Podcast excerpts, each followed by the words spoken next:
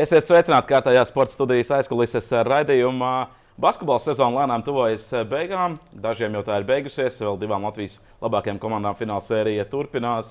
Pa to laiku es cilvēku, kuram tik, tikko beigusies sērija, viņš uzkārs kaklā ir kārtībā reizes bronzas godalgas.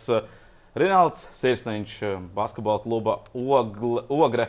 Es nezinu, kā teikt, seja, kapteinis, līderis. Kā tev labāk raksturot? Nezinu, nu, droši vien jau, ka spēlējušā leģenda ogres joprojām. Tā kā, nu, sauc kā gribi. Visur, visur ir taisnība, ko pieminēja. Bronzas medaļas šogad uh, vilšanās vai prieks? Es atceros to pirmo reizi, kad jūs izcīnījāt uh, bronzas medaļas ar ogri. Nu, tad bija lielie, lielie prieki un pilsēta bija ļoti lepna. Šogad vilšanās? Nu, jā, droši vien, ka nemelošu, ja, ka, ka expectācijas bija citas. Mūsu mērķi bija viennozīmīgi fināls. Un, un, un medaļa ir medaļa. Esam izdarījuši darbu, kas bija jāizdara, bet uh, tā noteikti nebija ne tuvu emocionāli tik svarīga medaļa, kā tavs pieminētā, ka mēs jūrmālu vinējām 3-0, pirmā mūsu bronzas. Mm -hmm. Tā kā, nu, jā, nu, medaļa ar tādu rūkumu. Kaut kas pietrūka aizspēlēties līdz izšķirošajai piektajai spēlei. Bijāt vadībā sērijā, visas sērijas gaitā bijāt sērijā, visu laiku viens soli priekšā Vēnspilsniekiem. Tad 4. maijā. Nu, perfekts datums, lai pabeigtu sēriju. Jums ir iespēja mājās to izdarīt. Nē, nevarat. Jums tur samet pilnībā sejā katru otro trīnieku pretī. Pēc tam aizbrauc uz Vēnspili, kā viss ir kārtībā, bet galotni zaudēja. Nu, tā ņemot, tinot atpakaļ to filmu, skaidrs, ka paši jau mēs zaudējām to sēriju. Nu, arī tavs pieminētie iemestie viņu metieni bija ļoti daudz bija pēc viņu izcīnītajām atlikušajām bumbām. Ja, un, un, un, kas tiešām kas ir ļoti sāpīgi nostrādā aizsardzībā. Viņi izmet grūtu metienu. Un tad mūsu biets, reboundu Denis Kristīņins kaut kur pasit, aizsit un atnāk bumba tieši ausējām vai medisām. Tie, tie ir augstsanīgi, teiksim, ogres killeri, kas, kas, kas mums nevienu nevien gadu nav žēlojuši, un viņi mūs galvenā nosacījumi trīniekiem. Bet, nu, nu, skaidrs, ka nedrīkstējām, nedrīkstējām nonākt līdz piektajai spēlē, kā, kā jau minēji, bija lieliski iespēja savās mājās piebeigt. Bet, nu, tur atkal Vēnspils parādīja, kāpēc viņi bija visu sezonas sākumu topā, pašā augšgalā, nezaudējuši, ja nemaldos. 11 spēles, ieskaitot arī vasaras pārbaudas spēles. Kā, nu, nevar arī nenovērtēt uh, Vēncpils sniegumu un Vēncpils komandu, ko arī parāda finālā. Viņi, nu, tāda, lai kā arī daudz domātu, ka, ka Vēfiņš nopērs, tad, tad es uzskatu, ka ļoti cienījami Vēncpils spēlē. Esmu dzirdējis tādu stāstu, repliku par tevi, kamēr ogre netiks finālā, tikmēr tu karjeru nebeigsi, bet turpinās spēlēt taisnību. Nu, tas jau ir kaut kādas izdomājums, kaut kāds. Un, nē, nu, ok, ja mēs nākamgad tiekam finālā, tad, tad, tad, viss, viss atrisinās. Bet uh, nu, nebūs, nebūs tā. Tas gluži nav pareizi. Šogad 37 gadi. Tu esi izlēmis, ka vēl nākamā sezona arī turpinās? Jā, man ir uh, vienošanās vēl uz nākamo sezonu. Nu, man tas iekšējais uh, mērķis arī ir uzspēlēt jaunajā zālē, kas tiks atklāta nākamās sezonas, cerams, vidū. Un, un, un, nu, kāpēc gan nesagaidīt jauno zāli un, un, un izbaudīt tādus savā veidā citu, citu, citus svētkus ogles basketbolā? Klau, man par tiem uh, līdzjutējiem uh, patīk ļoti bieži parunāties tajās Latvijas līgās, kas sāk parādīties tiešām tāds uh, lokāls patriotisms. Bet viena lieta, man, es vienmēr esmu slavējis ogles līdzjutējus, bet viena lieta man nepatīk, kas man iekrita acīs. Uz uh, pusfinālu pret Vēncpilsnu zāli pilnu, tiešām viss kārtībā un tā tālāk. Bronzas sērija pienāk. Uh, Un cik tur bija palikuši? 10% no tiem, kas eh, nāca pirms tam. Kāpēc tā?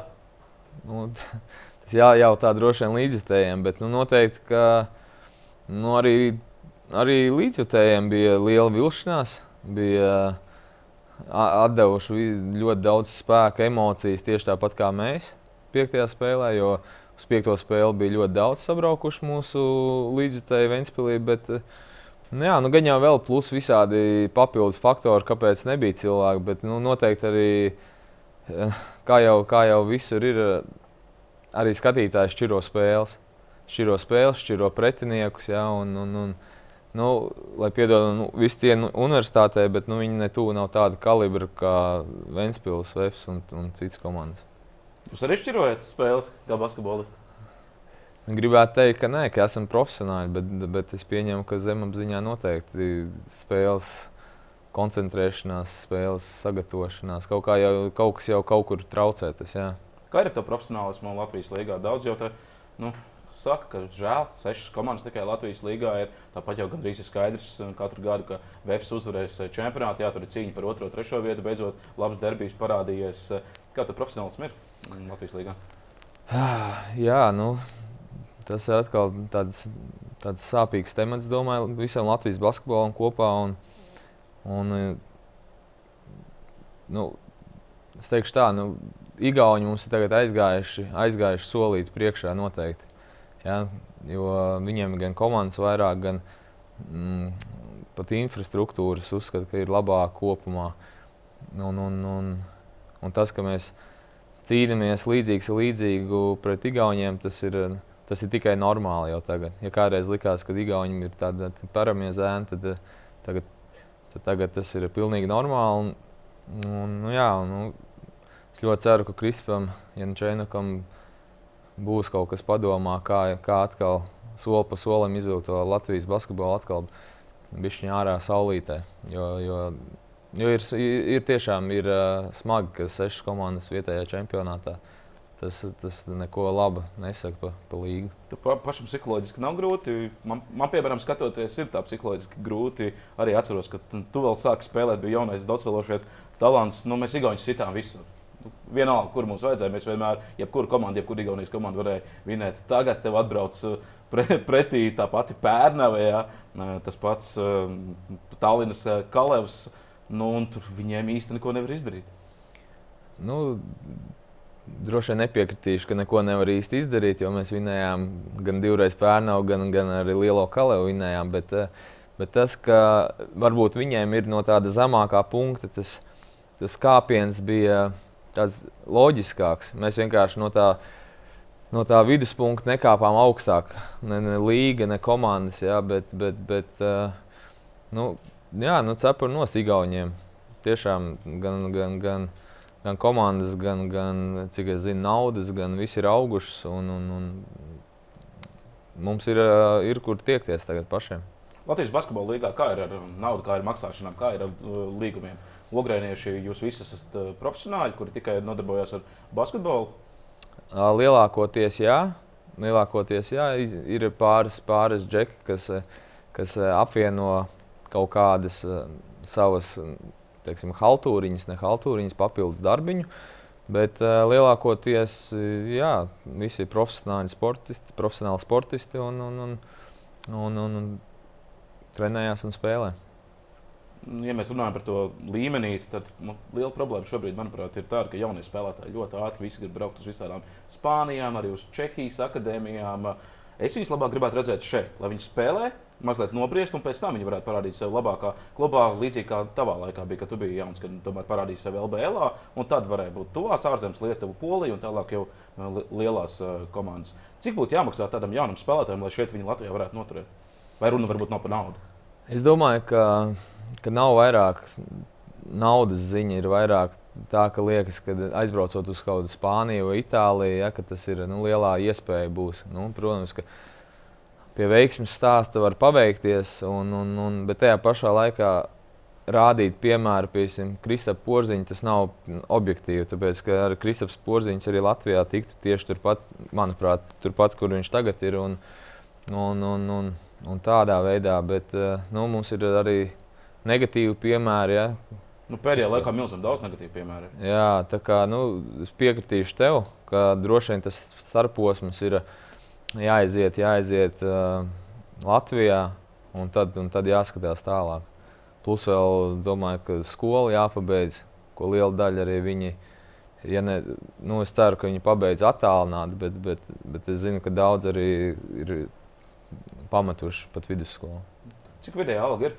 Latvijas basketbola līgā, neskaitot, protams, Vēju un dažus Svētspils labāk apmaksātos spēlētājus? Nu, es domāju, ap kādiem no pusotra līdz diviem tūkstošiem eiro tāda vidējā alga varētu būt. Kaut kas tāds. Nav liela. Nē, ne pavisam nav liela. Nu, tas jau ir. nu, tā, nu, cilvēki, kas, kas, kas, kas spēlē basketbolu, arī saprot, ka ir. Nu, ka tu vari apvienot savu darbu ar savu hobiju. Ja, tev ir tāds nosacīts brīvais laiks, brīvais režīms, un tu dari, kas tev patīk. Un, protams, ar domu izsisties augstāk, dabūt labāku līgumu un, tā, un kāpt kaut kādām uh, karjeras kāpnēm iekrāt jau īsti neko nevar no šādas naudas. Tomēr ir kaut, kas, kaut kāds rezerves plāns jādomā. Tu nevari spēlēt, kā spēlēt Eirolandā vai NBA, kur nu, es nospēlēšu līdz 35 gadiem, tad es beigšu un tad es dzīvošu mierīgu. Teiksim, tā pensijā iešu 35 gados un varēšu visu atlikušo mūžu dzīvot. Visu laiku kaut kas ir jādomā, vai ne? ne nu, protams. Nu... Latvijā, Latvijā ir tikai domāju, daži spēlētāji, kas pelna nu, tādu naudu, lai varētu nodrošināt, sakrāt kaut ko. Bet Bet arī nu, es nezinu, nu, skaidrs, ka visi domā, visi, visi reiķinās ar kaut kādām finansēm. Arī vasarā, es domāju, liela daļa piestrādā kaut kur. Un, un, un, jā, nu, skaidrs, ka tas, tas nav ne tuvu Eiropas līmenis. Ne, ne, un es arī zinu, ka ļoti daudz, ja nebūtu piesim, tas basketbols tāda sirdslieta, viņi uh, citos darbos nopelnītu daudz vairāk. Daudz vairāk, jo ir gan uh, mūsu pašu komandā ir, ir džeki, kam ir uh, maģistra grādi, ja, un, un viņi varētu mierīgi strādāt. Bet nu, basketbols viņas ir slieta, un viņi saprot, ka uh, basketbolā viņi dabū tās emocijas, ko viņi parastā darbā nedabūs. Un, uh, tāpēc viņi mēģina paildzināt tās emocijas, jo agrāk vai vēlāk basketbols beigsies, un tad jau sāksies teiksim, dzīves otrā, otrais posms. Pirms uh, pusotra gada, manuprāt, vai pat varbūt jau diviem gadiem, arī mēs taisījām sižetu, manuprāt, arī Man kolēģis Matīs tevi uzrunāja, tur arī sniedz informāciju un interviju viņam par sociālajām garantijām. Eh, šie līgumi Latvijas Basketbola līgā eh, ne jau tikai Ogas komandā, bet lielākā daļa eh, komandu nu šie nav tādi pilni, nebija pilna darba līguma. Tās sociālās garantijas gadījumā ir trauma, ja slimības lapas nav apmaksātas, atvaļinājums nav iekļauts. Tagad tas likums tika izmainīts. Ir šobrīd sociālās garantijas eh, šiem Latvijas basketbola līnijas spēlētājiem labākas kļuvušas. Tad drošāk ir mazliet. Nu, man eh, grūti pateikt par citām komandām, bet nu, Ogrē ir, jā, ir darba līguma visiem. Tā kā, nu, mēs mēs teorētiski skatāmies tieši tādu pašu kā vispārējie. Kā darba ņēmēji? Jā. Tad, tad tas ir uzlabojums. Noteikti. Es domāju, ka noteikti. Bet Cik tas ir dārgāk vai izdevīgāk vai neizdevīgāk klubam, tu, to tiksi, tas, tas, tas cits jautājums. Tas droši vien ar citiem jārunā, bet nu, mums kā spēlētājiem tas ir daudz labāk. Jā. Nu, ko, atgriezīsimies pagātnē. 2001. gads U-16 Eiropas čempionāts Rīgā toreiz notika. Jā. Jums bija baigi labā blīca toreiz. 85. un 86. gadi. Rinalds Sirsniņš, Jānis Gailīts, VF treneris, tagad Edgars Jeromānovs. Andris Biedriņš, Kaspars Bērziņš, Sāns Samoliņš. Manuprāt, arī Jānis Samoliņš. Jā, Samoliņš bija brālis. Jā, jā, bija nu, laba blīdzība. Edijs Lesers, Mārcis Seglīts, Jānis Butāns. Tad, jā, divi aizgājuši jau taisēlā divi. Bet, jā, nu tā, tas čempionāts bija arī ļoti emocijām, emocijām bagāts, Sākām mēs spēlēt uh, sporta pilī. Man liekas, ja nemaldos, mums bija trīs uzvaras no trīs spēlēm. Uzvarējām stiprs pretinieks, Grieķija, Izraela, vēl kaut ko. Un tad dēļ, dēļ superlielā karstuma sākās problēmas ar zāles kvalitāti un bija tas kondensāts uz. Un, un bija jau paketi, ja? jā, un bija bīstami, bīstami jau spēlēt, un, un tāpēc pārcēla čempionātu norisu uz Hannes vidusskolu kur bija kaut kas tāds. Šobrīd nevarētu pat iedomāties Hanzas vidusskolā Eiropas čempionātā. Jā, bet, nu, diemžēl, nebija citas opcijas. Tur vienkārši mums bija grozi noburti, un mums vispār nekas nesanāca. Un, nu, jā, un sāpīga astotā vieta. Eiropas čempionātā. Bet tas bija tas pirmais lielais turnīrs, ko Latvija dabūja. Pirms tam bija panākums 81. gadiem, kur Kristaps Valters spēlēja. Toreiz bija 18 čempionātā, viņiem bija 4. vieta, pareizi atceros, eh, tas liels panākums. Un tas pirmais lielais turnīrs, ko FIBA piešķīra, tas bija mums, un jūs bijāt pirmie pionieri, kuriem jārāda Latvijas seja. nu, jā. Mēģinājām rādīt, cik varējām, cik nu, labi sanāca. Bet arī, jau, protams, ar, ar, ar visādiem interesantiem atgadījumiem tajā laikā. Bet, eh, nu, arī it kā labs sasniegums, astotā vieta Eiropā, bet uh, mērķējām uz, uz augstāku, mērķējām pat uz medaļām. Vismaz jauni būdami paši, paši ļoti cerējām, ka varam to. Nu, ik pa laikam, ik pa kādiem nezinu, septiņiem gadiem Latvijā jau ir tāda viena komanda, kur ir divi garie, tiešām gari garie. Nu, tā bija arī jūsu komanda, Bērziņš un Biedriņš. Bija divi garie. Nu, tās komandas arī šajā jaunatnes vecumā no Latvijas var arī sasniegt labas augstumus. Ja vēl labs saspēles vadītājs, kā bija tu un Gailītis, ja, tad viss kaut kas tur varēja notikt. Jā, jā mums pat centriem mēs galīgi nevarējām sūdzēties. Uh, Kaut gan nāca pretī arī liet, lietuviešiem bija Līnas Kleiza, kas, kas aizvadīja fantastisku karjeru NBA. Bija, Grieķiem bija Sofoklis, tas bija Šaks. Kas, no kā visi mēs baidījāmies. Viņš jau izskatījās aptuveni tāds pats kā Eirlīgā, tagad nu, pēdējos gados, kad viņš spēlē. Tā kā, nu, arī pretiniekiem bija pietiekami nopietni centri un, un spēlētāji, bet, bet jā, tā gada komanda mums bija ļoti laba arī laicīgi tika savākti. Mēs tikām savākti, ja nemaldos, jau kādu pusotru gadu iepriekš. Un treneris Raivo Otersons mums savāca, un mēs spēlējām uh, amatieru līgā. Visi, lai tā kā sajustu, kā tas ir pret večiem spēlēt. Un... Mūsdienu LBL2 varētu būt tas, ja? Uh, nu, pat, pat varbūt ne LBL2, jo LBL2 pietiek. Nu, jā, varētu būt, teiksim tā, LBL2. Varbūt uh, toreiz, man, toreiz man likās, ka vairāk tādi veči nāk pretī. Varbūt tagad es vairs nevaru objektīvi novērtēt to LBL2, jo, jo pats jau esmu vecs. Bet jā, tajā laikā bija tā, ka bija policijas basketbola klubs, kas tikko bija no LBL spēlējis. Viņi aizgāja atpakaļ uz amatieru līgu. Un, un tad vienmēr pret viņiem bija ļoti interesants spēles.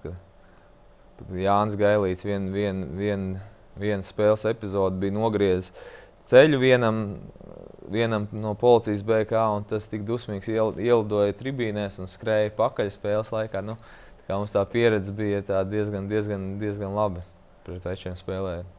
Nu, tajā laikā lielākā zvaigzne, kas no tavas paudzes izauga, protams, Andris Biedriņš, Nacionālā basketbola asociācija. Toreiz jau tu saprati, ka šitais, šitais puisis spēlēs NBA. Nu, noteikti, noteikti. Mēs domājam, ka kaut kas no viņa sanāks. Varbūt, varbūt jauniešu laikā nedomājām, ka, ka viņš tik ilgi un tik spoži aizvedīs jā, tās savas labākās sezonas, bet nu, tas, ka viņš būs tur noteikti. Un, un redzot, kādu darbu viņš ieguldīja, un treneris Otersons kādu darbu viņā ieguldīja, tad, tas tikai loģisks iznākums. Nu, trenerim Otersonam nebija tā, ka tikai biedriņš un jūs pārējie tur esat otrā zāles galā. Nu, tā, tā bija teiksim, tā, mūsu ikdiena. Jo, Nu, mums uzdeva uzdevumu kaut kādu, vai mums bija otrs treneris izlases. Viens kārkliņš mums tur ņēmās, un otrs gāja lielākoties strādāt individuāli biedriņu. Mm. Bet, nu, tā, tā mēs to pieņēmām. Nu, nekāda jau pretenzija nebija. Pats pēc tam, pēc tā Eiropas čempionāta, palika Latvijā. Jā, jā, pēc tāda čempionāta es paliku, jo man bija skola, jāpabeidz vidusskola. Pēc, jā, pēc čempionāta man bija iespēja braukt uz Ameriku. Runāja, ka, ka gribētu, lai es braucu uz Ameriku. NCAA? Bet, vēl, vēl, vēl jā, man no, no universitātes uzrunāja, bet es sapratu, ka es tāpat man vēl jāpabeidz vidusskola. Bet, uh, skaidrs, ka es gribēju Latvijā pabeigt vidusskolu, un tad jau pēc vidusskolas, ka, tad jau man bija piedāvājums no skonto, un tad es īsti. Nu, no Vēncpils arī bija, bet noslēdzāmies ar Kasparu Bērziņu pa labas konto. Ar Kasparu Bērziņu kopā jūs vienmēr kopā visi domājat? Nē, nu, tas nebija gluži, ka mēs sagājām kopā un izdomājām, kur brauksim. Bet, Nē, nu, jūs vienkārši divi no vienas vietas esat kopā uzauguši. Jā, jā. tieši tā. Mēs esam vienā skolā, vienā basketbola skolā ilgus gadus gājuši. Ļoti daudz laika kopā pavadījuši, braukājuši uz visiem treniņiem, visur kopā. Kā, nu, tas bija arī tāds loģisks solis, ka, jo par cik mēs arī bijām tur brocēni fani, LMT brocēni, ja, un vienmēr bija par to Ventspilu, viņas cīnījās, mēs par to Rīgas klubu bijām. Tad, tad kad tev piedāvās konto vai Ventspils, tad kā, pat, pat loģiski bija, ka tu paliec, paliec teiksim, gan īsti savam nu, sapņu klubam lojā, lojāls. Tā, tā tā jūsu ilglaicīgā draudzība, ka kopā esat uzauguši, arī ir iemesls, kāpēc eh, Kaspars, Kaspars ja viņam nav līgums Eiropā, dabūs, tad viņš vienmēr varbūt piezvanīt Rinaldam un saka, nu labi, es Rinalds atnākšu uz ogru spēlēt, kamēr līgumu dabūšu. nu, nē, viņam pietiekami labi pazīstami ir kluba vadība. Kad, eh, Bet uh, jā, vienmēr ir liels prieks viņu satikt. Arī vakar satikāmies, viņš at, at, bija atskrējis ogri un pastāstīja, cik viņam veiksmīgi pašlaik iet pusfināls pret Žalgiri un neko. Varbūt braukšu uz paņēmēžiem uz spēli. Cik tu tur aizbraukt? Jā, nu, divas stundas. Mierīgi. Tuvāk nekā uz Vēncpilsnu. tieši tā. nu, tieši tā, tieši tā. tā kā, ļoti iespējams, ka braukšu atbalstīt uz to spēli. Cik tajā, tajā laikā tas bija izteikti, ja, ka nu, bija tāda Rīgas blīce, kuri tos Vēncpilsnieks nu, īsti neieredz? Nu, nav, nav jau gluži, ka neieredz. Nebija jau tā. Tas vienkārši ir. Nu, Kad tu jaunieci būdams par kaut kādu komandu fanonu, tad nu, Nav jau tā, ka uh, Vēnspils ir vai nu slikta pilsēta vai slikta komanda. Vienkārši tas tā nu, dabīgi iegājās. Nu, ka, ka mēs bijām par Rīgas komandu, jo visur apkārt bija tie. Mums arī bija Raimons Jumiņš no Ogres, kas, kas, kas spēlēja ASK tajā brocēnos tajā laikā. Ja, un, un, un, un mums bija daudz izlases, U16. Mēs kopā pavadījām. Uh, laiku ar U18 izlasi, kurā savukārt gan Blūms, gan Čēnis, gan Cipras bija arī no Rīgas. Tad, teiksim, tās blices, ja, tā kā, nu, tas bija tikai tāds loģisks iznākums. Tu mūsdienās jau tā nav? Tagad es skatos, te spēlētāji no Vēstures uz VF, no VF uz Vēstures, no Vēstures uz VF. Nu, jā, nu, tagad. Nu, nekas jau nav jau tāds derbijs, nav jau Vēnspils, Vēfs, nu, nav jau, nav jau tāda tā kā Olimpijakos un Panathinaikos, ja, kur, kur tev fani gatavi apmēram rīklu pārgriezt, nu, nosacīti, lai, lai, lai tikai nespēlētu nu, pret savu klubu. Bet, uh, jā, nu, tagad jau ir mums jau tās iespējas Latvijā, kā jau minēji, sešām komandām nav baigi daudz. Kā, nu, ja tu negribi braukt uz ārzemēm, tad ir, tad ir jāspēlē kādā no Latvijas klubiem. Tavs pirmais solis ārzemēs bija Vroclaveka Sanvila komanda, kur lieliski sev parādījis bija Armāns Šēle. Un uh, arī Jānis Blūms uh, tur spēlēja kopā ar Armāndu, un tālāk arī tu tur nonāci. Nu, vēl Jakovičs bija.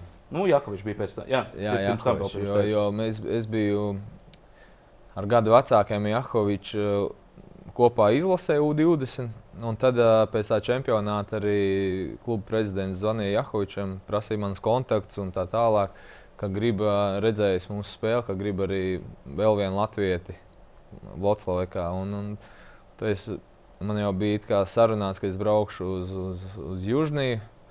Uz Ukrajinu, 19 Uk gados. Jā, uz Južnijas ķīmiju, pie Zvezdana Mitroviča trenēties. Bet uh, tad aprunājoties gan ar Armānu, gan ar, ar Gati, protams, un, un Blūmu, sapratu, ka, ka Urlaps ir uh, iespējams tas treneris, pie kura ir jābrauc jaunā vecumā, jaunībā. Teiksim, agrā vecumā, lai, lai, lai, lai viņš iedotu nu, ne tikai, ne tikai teiksim, fizisko, bet arī teiksim, to basketbola filozofiju profesionālā sportā. Urlaps eh, palaba manis slovēņu speciālists. Jā, pareizi. Jā, slovēņu. Jā, slovēņu speciālists. Eh, Armāns Čeltrs pirms tam bija spēlējis, tagad Armāns ir izdevis grāmatu, kur viņš izstāsta visu, kā viņš tur ir uzvedies. Ja? Ka tur ļoti bieži ir sportiskā režīma pārkāpumi bijuši. Un, nu, kā jau Armāns savā karjerā, mēs jau arī ļoti daudz nostāstu dzirdēti. Nu, kā tad bija Urlapam? Urlaps nu, ne, nenāca neprasīt tev, tā, Rinaldi, tu esi tāds pats? Saki godīgi. Nu, nē, droši vien, ka visi jau saprot, ka tādu kā Armānu vēl viena grūti atrast. Un, un, un, Armāns bija ļoti talantīgs ne tikai basketbolā, bet arī ārpus laukuma bija ļoti talantīgs. Un, kā jau grāmatā rakstīts, nu, tur ir. Jā, vienīgais, ko es varu piebilst, es atceros, ka mēs arī kaut kādā brīvā brīdī aizbraucām ar Jakoviču. Nezinu, kādas 150 km uz, uz Kazīņčiku. Pasēdēt, uzspēlēt kārtas, un mums tikai ienāca divi tādi ādas, ādas jakās, tērpti lisie. Viņš, viņš prasa, kur, kur Armāns ir. Kur Armāns ir? Es, es nezinu, kur Armāns. Ko, viņ, ko viņš gribēja no Armāna, ko viņi gribēja no Armāna. Es nezinu, varbūt tikai sasveicināties, bet jā, tas bija tāds smieklīgs gadījums. No Anvilā nu, šis sloveņu treneris jūs kārtīgi tur uh, mocīja? Nu, noteikti, jā, noteikti tas man ir bijis grūtākais periods tieši profesionālā sportā, jo sākot jau no pirmiem treniņiem vasarā, nu, tas bija liels kontrasts Latvijai. Manas piedzīvot, nu, ko es esmu piedzīvojis, kādas treniņas. kas viņam bija briesmīgākais? Tīri tā treniņa metodika, kas ļoti ilga un gara treniņa, vai tomēr varbūt, kas arī labi, no Slovenijas nav gluži austrumu Eiropietis, bet arī bijušās austrumu bloka valstis, kad nu, ir šausmīgākā disciplīna, ka tur vakaros apmēram pie numuriem nāk un pārbauda, vai tu guli. Nē, viņš pa disciplīnu tā baigi. Viņš nepārbaudīja neko, bet, jo skaidrs bija tas, ja tu pārkāpsi disciplīnas, ja tu kaut kāds būs režīma pārkāpums, tu, tu atnāks uz treniņu negatīvs. Un viņa, viņas tās 3,5, 4 stundas, viens treniņš, ja divus treniņus izturēt, tas vienkārši fiziski nebūtu iespējams. Ja? Un, un, nē, nu skaidrs, ka tur ir kādreiz, kad ir eh, nākamā diena brīva, tad, tad Džeki kaut ko vairāk atļaujās aiziet uz kādu naktas klubu. Vai, vai, ja, bet tā, tā ikdienā nekādas problēmas ar, ar, ar, ar disciplīnu nebija. Kā pašam Polijai patika? Man patīk, kopumā man patīk. Tas man bija tāds uh, liels lēciens teiksim, tā, no, no skonto, kur mēs kur, kur, kur, kur it kā trenējāmies, bet, bet aizejot uz poliju, sapratu, ka, mēs, ka, ka ir liels solis priekš no profesionālās uh, viedokļa. Tur ir ne tikai pirtis, vannas, visādas speciālās uh, sanatorijas, kur tev jāguļ visādos minerāļos un tā tālāk. Ja? Tas bija tāds, nu, tāds un, un, un arī zāle bija.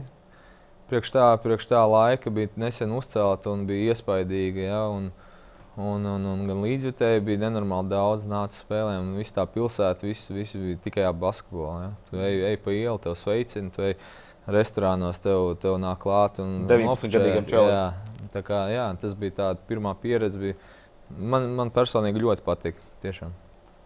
Basketbola klubs Skonto bija pirms tam, kur tu spēlēji. No nu, Skonto ar lielu tādu pompu ienāca toreiz eh, līgā. Savāca labu sastāvu, bet nu, jau tur uz sezonas otro pusi. Es vēl biju ļoti jauns, bet eh, es atceros, ka tur nemaksāja algas. Nu, visi vecie stāsti ar šādiem te, nu, vien, viengadīgiem eh, klubiem. Jo, tur vēl bija, manuprāt, iesaistīts. Tāpēc arī nosaukums bija Guns Indriksons, kuram tajā laikā jau tas bizness pamatīgi sāk iet uz leju. Tā nauda izbeidzās. Tu kaut ko uz konta saņēmi, un pa cik zlotiem tu aizbrauc uz Anvilu? Vai tev bija vienalga, cik viņi maksā, kad viņi kaut ko maksāja? Oi, tas bija sen, jā. tas bija ļoti sen. Es pat, pat, pat cipriem pat īsti neatceros. Nē, kaut ko manas konto maksāja. Tie bija kaut kādi, ja nemaldos, 200 vai 300 dolāri. Tajā laikā, kas priekš tikko beiguši skolas, čaļa bija, bija diezgan ok. Ar naudas maksāšanu laikā tur bija ļoti švaki, teiksim, atklāti. Ja. Bija, Bet, ko es varu pateikt, tas ir, ka pēc ilgāka laika, pat, man liekas, ka es jau pēc polijas, kad biju atbraucis Latvijā, tad saņēmu no menedžera, kas, bijušā menedžera Kaspara Gabrāna ziņu, ka, ka viņš grib satikties un norēķināties pa visu, pa visu kas ir uh, iekrājies parādā. Tā kā nu, skaidrs, tā summa nebija liela, bet uh, cik es esmu dzirdējis, arī ar lielu daļu citiem spēlētājiem tā izdarīja, ka, ka beigās pēc kāda laika nomaksāja visu parādus uzdošu klasisko jautājumu. Jurijs Gājos, es skatos, tas veicieni viņam, viņš arī savā podkāstā Alaži to uzdod futbolistiem, kuri spēlējuši skonto. Guns Indriksons tev ir parādā? Nē, nav vairs. Viss to reķinājās. Visi, visi papīri tīri. Nu, ļoti jauki. Pēc tam tu pēc uh, Polijas uh, atbrauci atpakaļ uz Latviju. Kāpēc? Tu labi sev biji parādījis Polijā.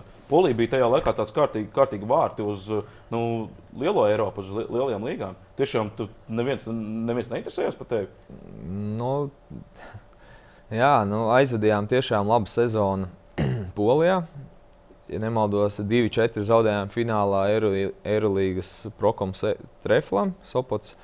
Un, un, un nākamajā sezonā mēs ieguvām ceļa zīmi uz Ulepa kausu. Kas bija otrais līmenis? Tas bija otrs, jā, aiz Eirolandes. Sopot turpināja spēlēt Eirolandā, mums bija Ulepa kausa. Un, un par cik uh, Urlaps atnāca, par cik mums bija labas attiecības, viņš teica, ka, ka šajā sezonā tu daudz minūtes nedabūsi. Un tev ir divi varianti. Vai tu tiec izīrēts kaut kur, vai tu nu, sēdi uz soliņa un samierinies. Kā, viņš, man, viņš man saka, ka būtu labāk, ja tu tomēr spēlētu. Tā kā, tavai pašai izaugsmē. Nu, to informāciju es uztvēru ļoti nopietni, ko viņš teica, ieklausījos. Un tajā pašā laikā jau tika izveidots Rīgā, Rīga 05. Pirms ASK tas veidojās. Nu, jā, pirm, jā, jā. pirmsākums. Un, un man jau tad jau, jau, jau vasarā interesējās prasība, bet tad es teicu, ka man ir līgums un es nevaru izbraukt.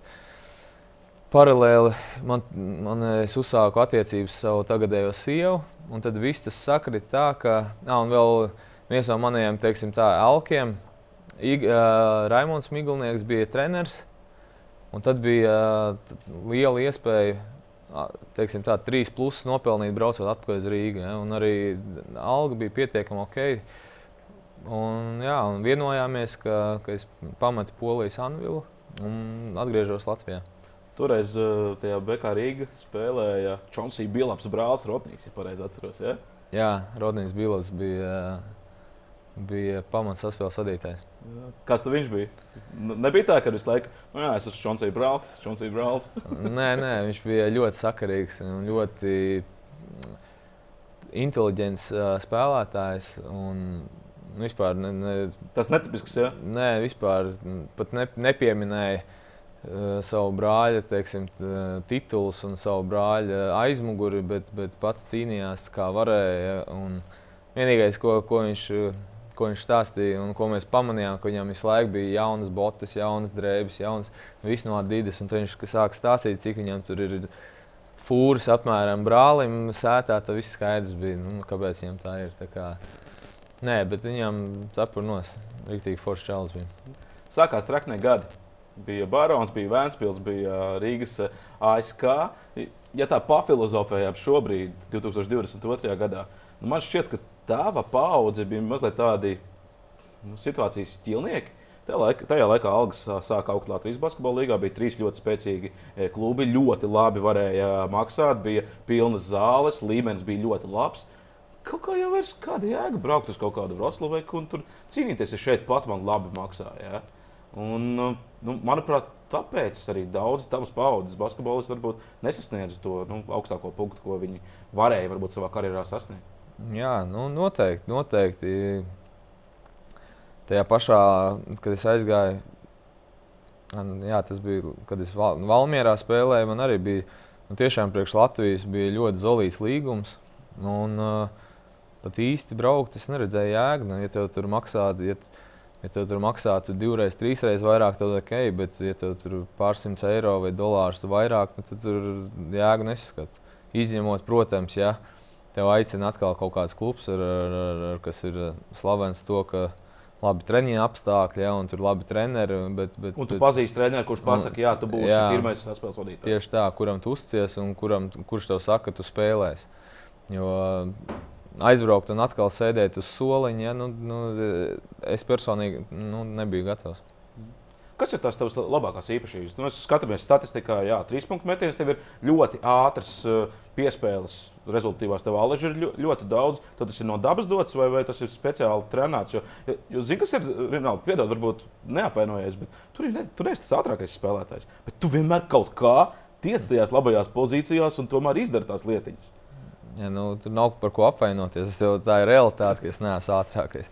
Bet, uh, Es nezinu, nu, droši vien, ka ar gadiem nākusi tā pārliecība par savu piespēli metienu un pārliecība, ka, uh, ka dodot piespēli, arī kļūdoties, nekas traks nenotiks. Ja, jo, jo, nu, jā, citreiz varbūt liekas, ka varbūt tādas avantūriskas piespēles, bet tās ir. Uh, treniņos atstrādāts tik daudz, ka arī tāpēc man ir svarīgi partneri, kas, kas, kas mani zina, kas man pazīst, kas gaida tās piespēles un kas var realizēt manas piespēles. Kā, nu, es domāju, tas ir uh, viss kopā. Plus, ir, es esmu skatījies nenormāli daudz visādas, gan Raimonda Miglnieka spēles, gan Šaruna Jasikevičs, kā viņš spēlēs. Un, un, un, un mēģinājis atkārtot.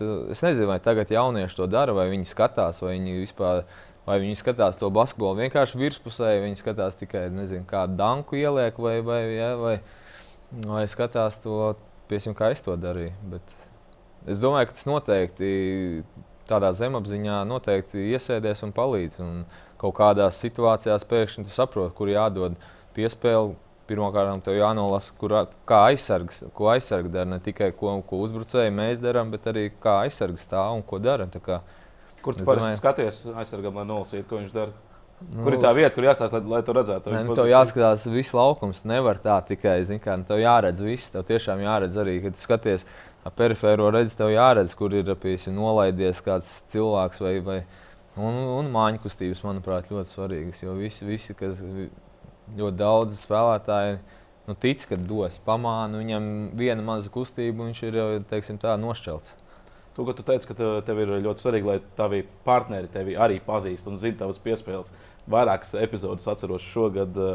Jums sezonas laikā pievienojās Mans Juciks, centrs. Ah, kā viņš tev brīžiem nesaprata?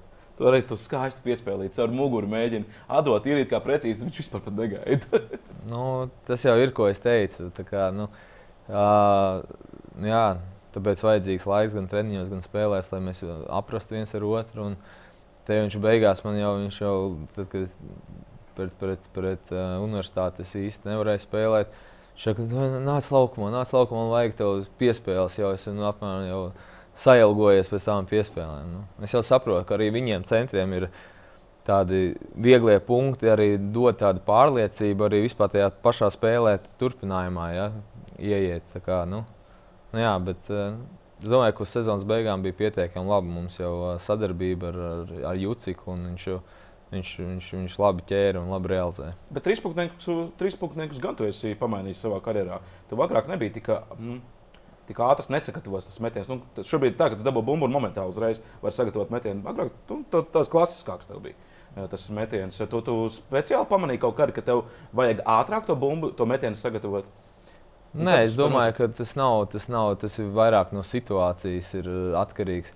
Es arī varu lēnu izmest, bet uh, parasti man tā ir, ja tu vairāk sāc gatavoties, tev vairāk laika, tu sāc domāt. Uh, parasti ir eh, liekas, sliktāks procents nekā tu vienkārši tev iedod, tu met nedomādams, tā kā automāts. Tas ir viens no taviem pirmsspēles eh, rituāliem. Pirms spēles tu vienmēr met eh, trīs punktu metienus, un kamēr neiemet, tu neej pie, pie, pie komandas. tā ir, jā. Ir, ir jau gadu gaitā ir iegājies kaut kādas savas, savas šīs. Uh, mazās lietiņas, ko pašam likās, ka nemaz nav pamanāmas, bet nu, acīm redzot, ir. Ir, ir pāris, jā, pāris tādas lietas, ko es daru. Es atceros, tā bija sērijas, manuprāt. Nu, Vēnspēlī tā bija. Tā bija spēle Vēnspēlī. Sanāk, trešā sērijas spēle, ko jūs uzvarējāt. Tu nevarēji iemest. Tu nevarēji. Visi jau reāli bija apspriedē pie Ulas šēdes. Tu nevarēji iemest, tad tu gandrīz viens pats palika. Tev jau tur sauca. Un, piedod man, bet man liekas, ka tur tā arī neiemet. Man liekas, ka tā arī no, neiemet. Bet spēlē pašā beigās tu paņēmi ielika divas trīnīšas un spēle bija beigusies. Nu, iespējams, kā, ka treneris jau ir jau puskombināciju uzzīmējis, un es jau jūtu, ka jāskrien. Nu, tad, tad nu, nevar, arī, nevar arī likt visiem gaidīt man tik ilgi. Kā, nu, ļoti iespējams, ka es, ka es neiemetu. Kas ir jauniem jāmācās? Kādas varbūt kļūdas savā karjerā eh, pieļāvi un nesasniedz to savu pīķi? Kas tev varbūt potenciāli bija? Nu, noteikti ir. Eh, nu, nebūšu baigi oriģināls. Nu, jātrenējās, ir eh, daudz un gudri ar bumbu ir jā, jādzīvo ikdienā.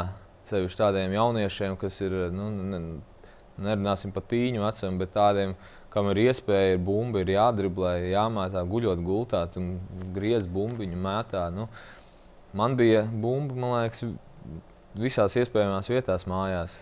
Līdzi driblēja, ņēma kaut kur uz dārza, braucām kaut ko pastrādāt, bumbu līdzi. Respektīvi, grozu tev nemaz nevajag. Nē, nu, grozu nevajag. Iedomu grozu bija. Nu, bieži, bieži tā bija, kad met pa kaut kādiem aizstieņiem, kaut kur, kur jātrāp.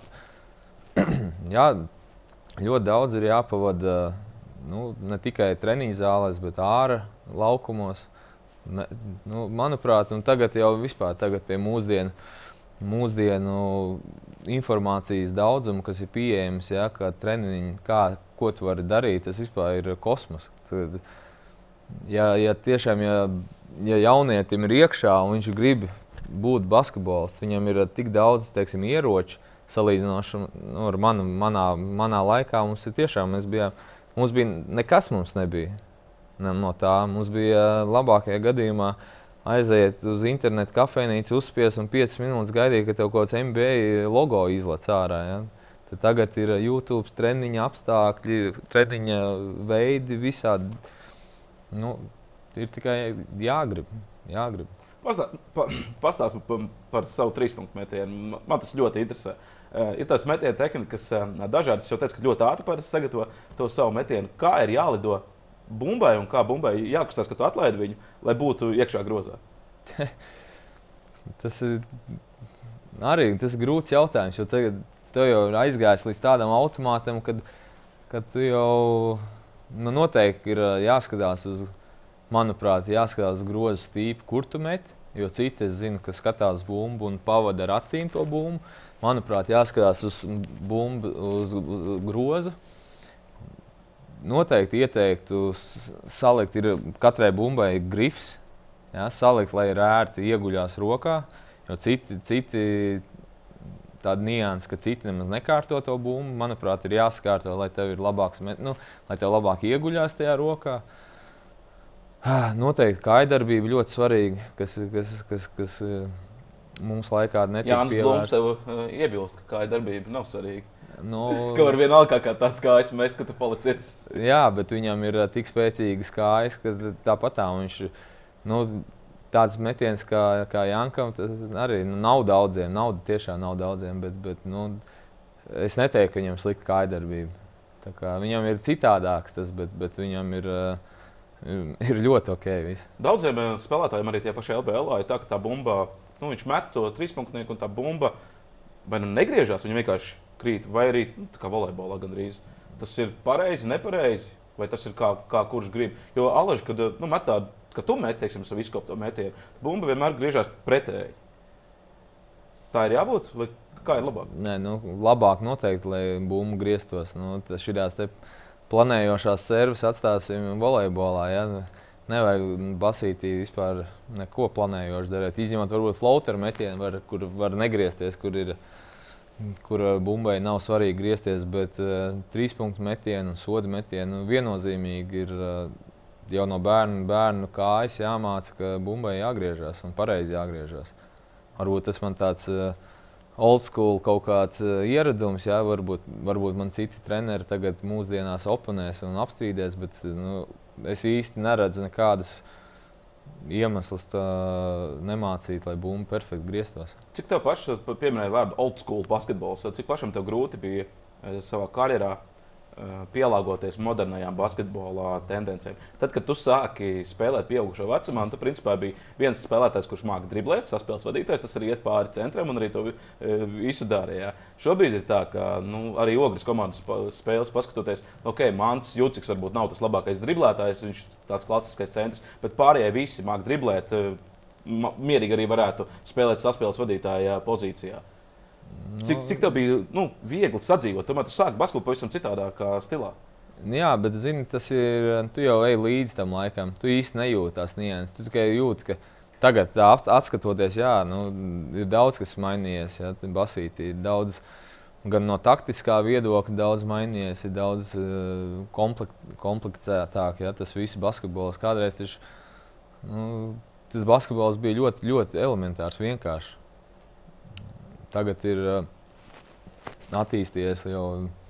Jā, tā kā tu minēji, paskaties, mums arī ir Kristaps Dārgais, kas ir teiksim, tā. Uh, vecajos laikos viņš būtu lielāks saspēles vadītājs kā es, jo viņš pāriet pāri biežāk nekā es ar bumbu. Ja? Kā, nu, bet tas ir laika, laika gaitā, ejot. Mēs aprodam to situāciju un, un, un mācāmies un ejam, ejam soli pa solim atkal tajā attīstībā uz priekšu. Tas modernais basketbols iet uz to, ka drīz būs vajadzīgi pieci divmetrnieki, kuri māca mest trīniekus, māca driblēt, māca piespēlēt. Viņi visi pieci būs vienādi. Nu, vēl viena svarīga lieta ir uh, basketbola IQ, ko tu nepieminēji. Nu, tas ir, ja, ja, ja tādus piecus var atrast, tad, uh, tad, jā, tad būtu, es domāju, katra treneris sapnis. Pats uh, vienmēr esmu bijis viens no tādiem labākajiem Latvijas saspēles vadītājiem, pa, kur, pa kuriem mēs runājam, bet nu, izlasē.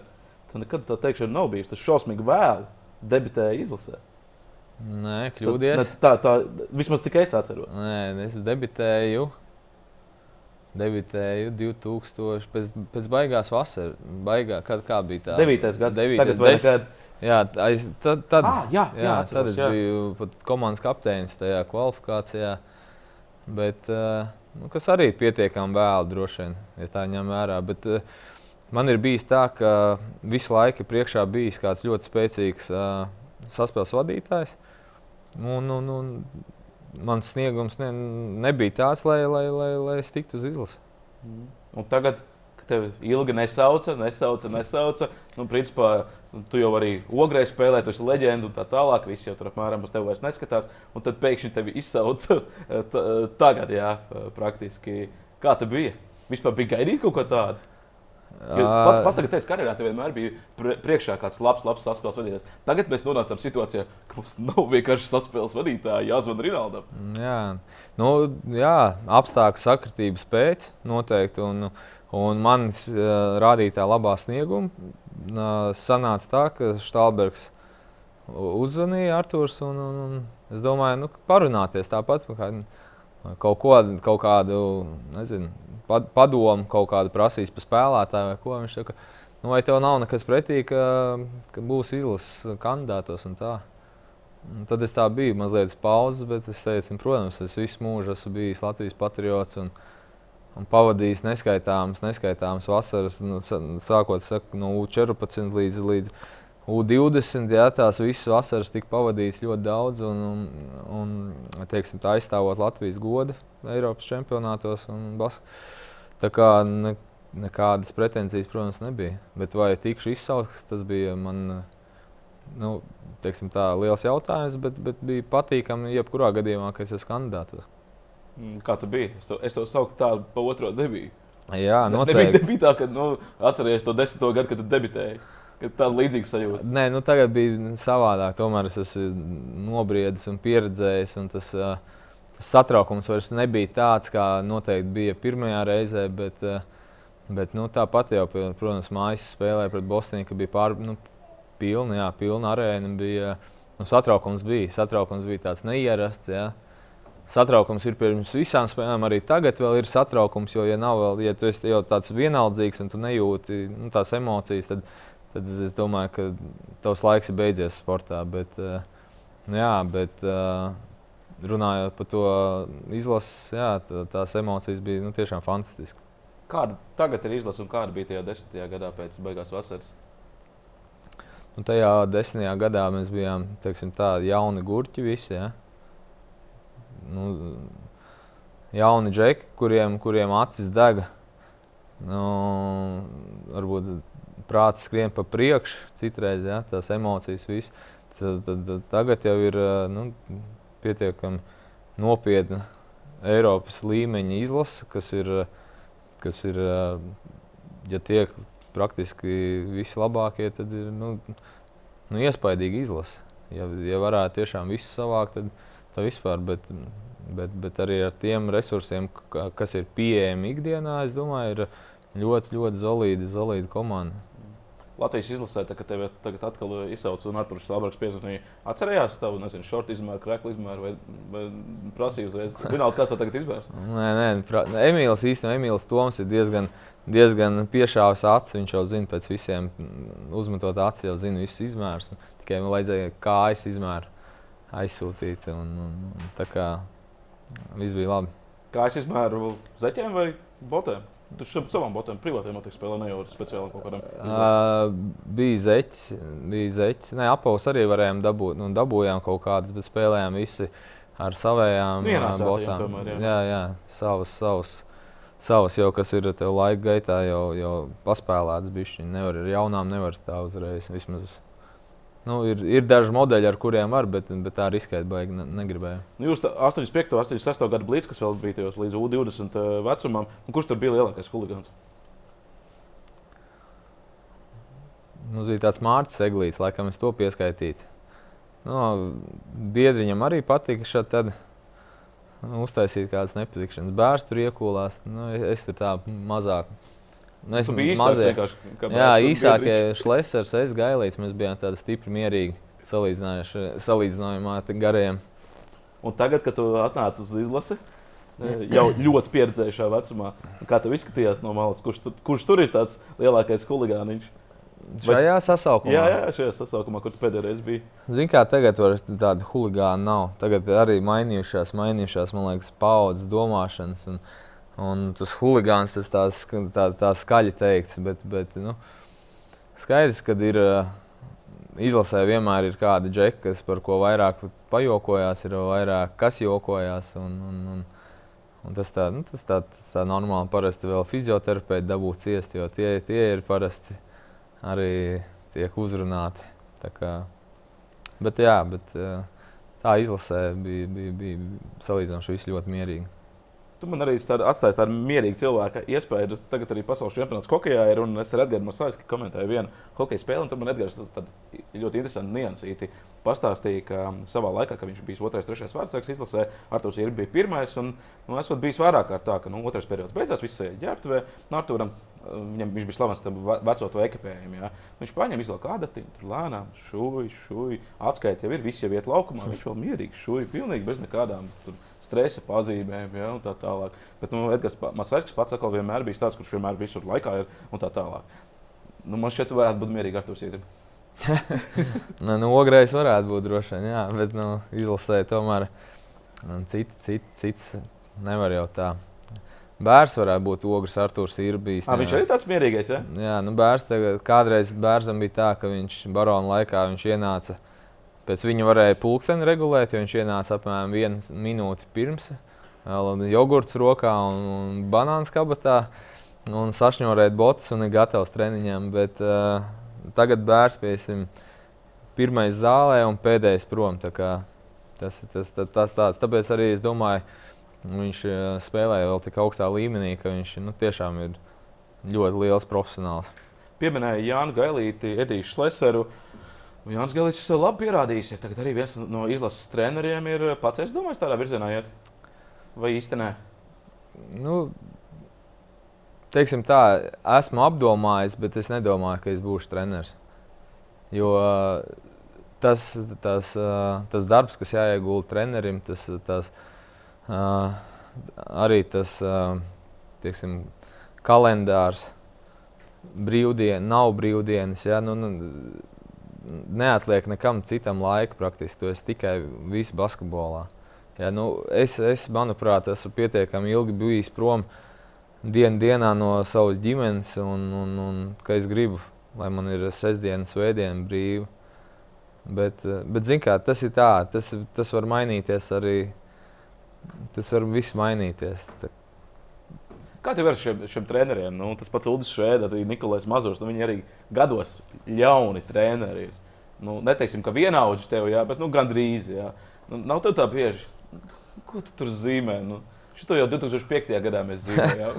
Nē, nu, tā jau ir par jebkuru treneru tur pateikt. Nu, ko tur zīmē? Vienmēr jau bieži, nevis vienmēr, bet bieži liekas, ka tu esi gudrāks par treneri. Bet, uh, uh, bet nē, bet ir. Uh, man nekad nav bijušas problēmas ar uh, treneru un spēlētāju teiksim, attiecībām. Jo arī, kad es spēlē, spēlēju Jēkpilī, pamanīju, treneris Rudolfs Rozīts, ja nemaldos, trīs gadus jaunāks. Jā. Bija.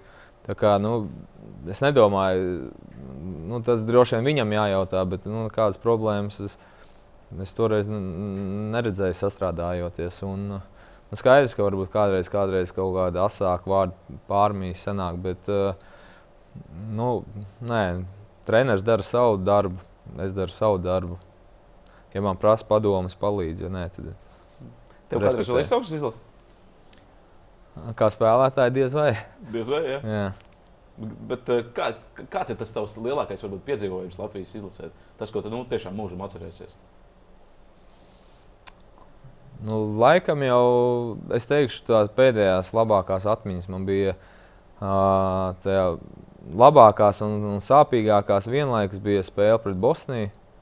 Ja, tas, ka, kad es 30, ja nemaldos, 3 vai 4 gados tiku uz izlasi un salīdzinoši veiksmīgi pagriezu to spēli. Pagriezām, kad es biju laukumā, aizgājām uz. uz, uz, uz Tur, nu, nu, turpat, turpat jau bija uzvara rokās, un, un, un tādi iemestie man trīnīši un piespēle, kas vēl pēc tam gāja tur pa internetu.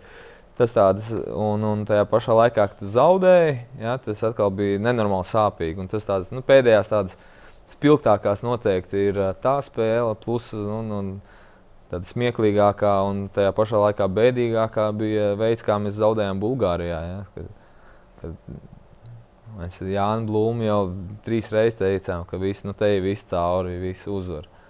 Bet, nu, acīm redzot, ka pārāk ātri mēs arī sapriecājāmies un noticējām, ka būs uzvara. Nu, cik sāpīgi tas bija? Tas bija ne tikai sāpīgi, bet uzskatu, tas bija diezgan muļķīgi. Tā, nu, tā vienkārši tāda, tādas kļūdas. Un, nu, tā, tā nedrīkstēja. Bet ir kā ir. Ko komanda darīja pēc tam? Nebija tā, ka gribēja vienkārši aiziet uz bāru un piedzerties? Nē, tur, pat, tur, tur bija tāds manāms šoks visiem.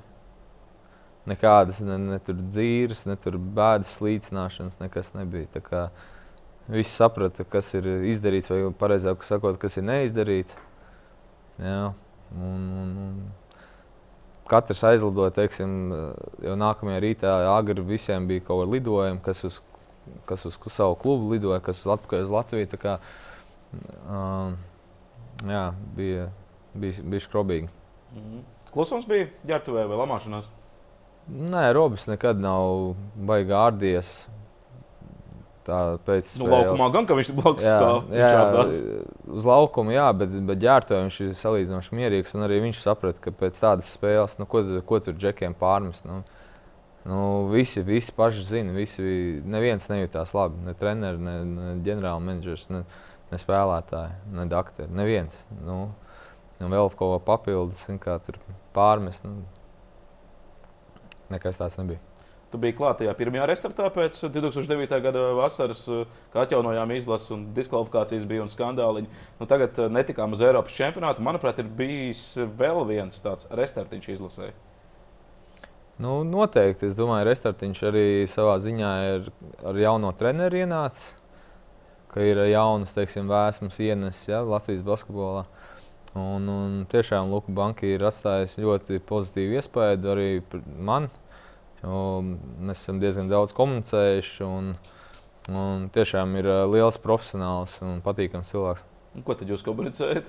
Gribat atkal te visu uz izlasi? Nē, tas bija, nu, tā, ka es, nu, es jau biju uz pāris treniņiem aizbraucis, tur bija piepalīdzējis, ar, kad, bija, kad es biju tajā kandidātu sarakstā, un, un, un parunājām. Un viņš, vienkārši ar to vien, ka viņš brauc uz spēlēm, ar to, ka viņš komunicē, ar to, ka viņš iepazīstina sevi. Un, un, un Latvijas basketbolā tas jau ir patīkami. Tas ir, nu, parāda, ka viņš nav teiksim, tā vienaldzīgs, ka viņš nebrauc šeit tikai, tikai atbrauc, notrenē un brauc prom. Ja, viņš pavadīja laiku. Pavada, un es domāju, ka Basketbola savienība izdarīs lielu, lielu darbu un, un labu darbu parakstot viņu līgumu. Mm. Cik tā plānā ir ilgi spēlēt? Uh, nu, vēl viena sezona. No vienas sezonas. Vēl viena sezona. Jau ogra atkal paliek trešā. Nu, tad atgriežamies atkal. Tu gribi, lai tiekam finālā, un tad, jā, nu, nē, nu, to, zin kā, tagad jau, jo tu vecāks kļūsti, jo tie mērķi, tā, no tālajošiem mērķiem jau samazinās. Tā kā, nu, būsim reāli, nākamā vasarā man būs 38 gadi, un es domāju, ka tas būs pēdējais, pēdējais, domāju, ka pēdējā sezona profesionālā. Mm. Ja runājam ne tikai par tevi, bet arī par Latvijas izlasi, tad uh, jaunāks nepaliek arī Jānis Strēlnieks. Viņam arī šī sezona nav izdevusies, ka viņš žalgarī. Um, nu, kurš tad ir nākamais saspēles vadītājs, pamats saspēles vadītājs Latvijas uh, valsts vienībā? Kandidāti tur ir vairāki. Manuprāt, ir ilgtermiņā es redzu vienu, Arthurs Žagars, kuram es ļoti ceru, ka beidzot būs tā veselība sakārtot tik tālu, lai viņš varētu aizvadīt stabilu sezonu. Mm, gan klubos, gan arī izlasē viņš var palīdzēt beidzot. Un, nu, viennozīmīgi ir jāskatās arī uz Kristēnu Zoriku, kas, kas ir, kas ir, manuprāt, ļoti progresējis šajā laikā, ko, kopš atbrauc uz, uz Latviju. Tiešām liels prieks skatīties viņa spēli, jo, jo, jo nu, tāds netipisks latviešu saspēles vadītājs. Kāpēc? Tas, ko es redzu, ko skatoties pa ekrānu un arī varbūt intervijās, viņam ir tā, ka vienalga ir viena sekunde palikusi, vai piecas sekundes, vai piecas minūtes līdz spēles beigām. Pilnīgi vienalga viņam ir. Viņš ir tik mierīgs, jebkurā situācijā. Nu, tāds, kuram nu, viņu nevar izsist no līdzsvara, man liekas, vienkārši. Arī pat ja Arts atpūta viņu sektu un kaut ko čukstētu ausīs, liekas, ar tiem patīk. Nu, manuprāt, Zorika nevar izsist ārā no līdzsvara. Jā, nu, jā nu, tevis pieminētais miers ir noteikti viņam plus. Bet, uh, Es vairāk par to, par, par, par kustībām, par ko viņš ir, kā viņš kustās un kā viņš redz lauku un kā viņš izmanto savus nu, priekšrocības pret aizsargu. Un, Nu, jā, viņš to, tā, to aizsardzību māca saraustīt gabalu gabalos. Nu, viņam arī, ja skatās uz to spēles stilu, kaut kur mazliet redz, varbūt arī Armāns Čēlis. Viņš māca raustīt tempu. Mm, jā, piekrīt. Tikai nu, Zorikam ir uh, daudz, daudz labāks metiens. Nu, protams. Tad uh, mums nebūs jāskumst, ja, ka tu beigsi Latvijas izlasē, ka nav saspēles vadītāja. nē, nē, noteikti nē. Es domāju, ka saspēles vadītājiem viss būs kārtībā. Gan jau, gan jau auga vēl kāds, ko, ko es neesmu vai aizmirsis pieminēt, vai neesmu pieminējis. Bet, bet es domāju, ka viss būs labi. Mūsdienu, mūsdienu basketbolā ik pa laikam mēs redzam tādus spēlētājus, ka, ka, ka tiešām prieks skatīties. Labi, paldies, Rinaldi, ka atnāci pie mums eh, ciemos pastāstīt par savu karjeru. Nu, kas zina, varbūt vēlreiz to piezvanīs arī kāds Latvijas izlases treneris, un ka vajadzēs palīdzību, taču neatteiks. Ne? Nē, noteikti neatteikšu, bet nu, nu, lai tā būtu. Jā. Un novēl to nākamo sezonu ļoti labu, tā lai ar Ogres basketbalu klubu izdodas beidzot sasniegt finālu. Jo, nu, nu, tik tuvu bijāt. Eh, šogad eh, tā bija diezgan liela vilšanās, bet gan jau, gan jau nākamā sezona sanāks. Un, un tās intrigas, piecas spēles, maksimālais spēles skaits jebkurā sērijā vienmēr lutina gan skatītājs, gan arī mūsu žurnālists. Man tiešām bija prieks uz katru spēli braukt un tās emocijas uh, izdzīvot. Veiksim tad nākamajā sezonā un tiekamies, tiekamies uh, laukumā. Ar jums, uh, skatītāji, gan mēs tiksimies tieši pēc nedēļas, kad atkal jauna tēma, jauns viesis, jaunas sarunas šeit pats sports studijas aizkulisēs. Vislabāk!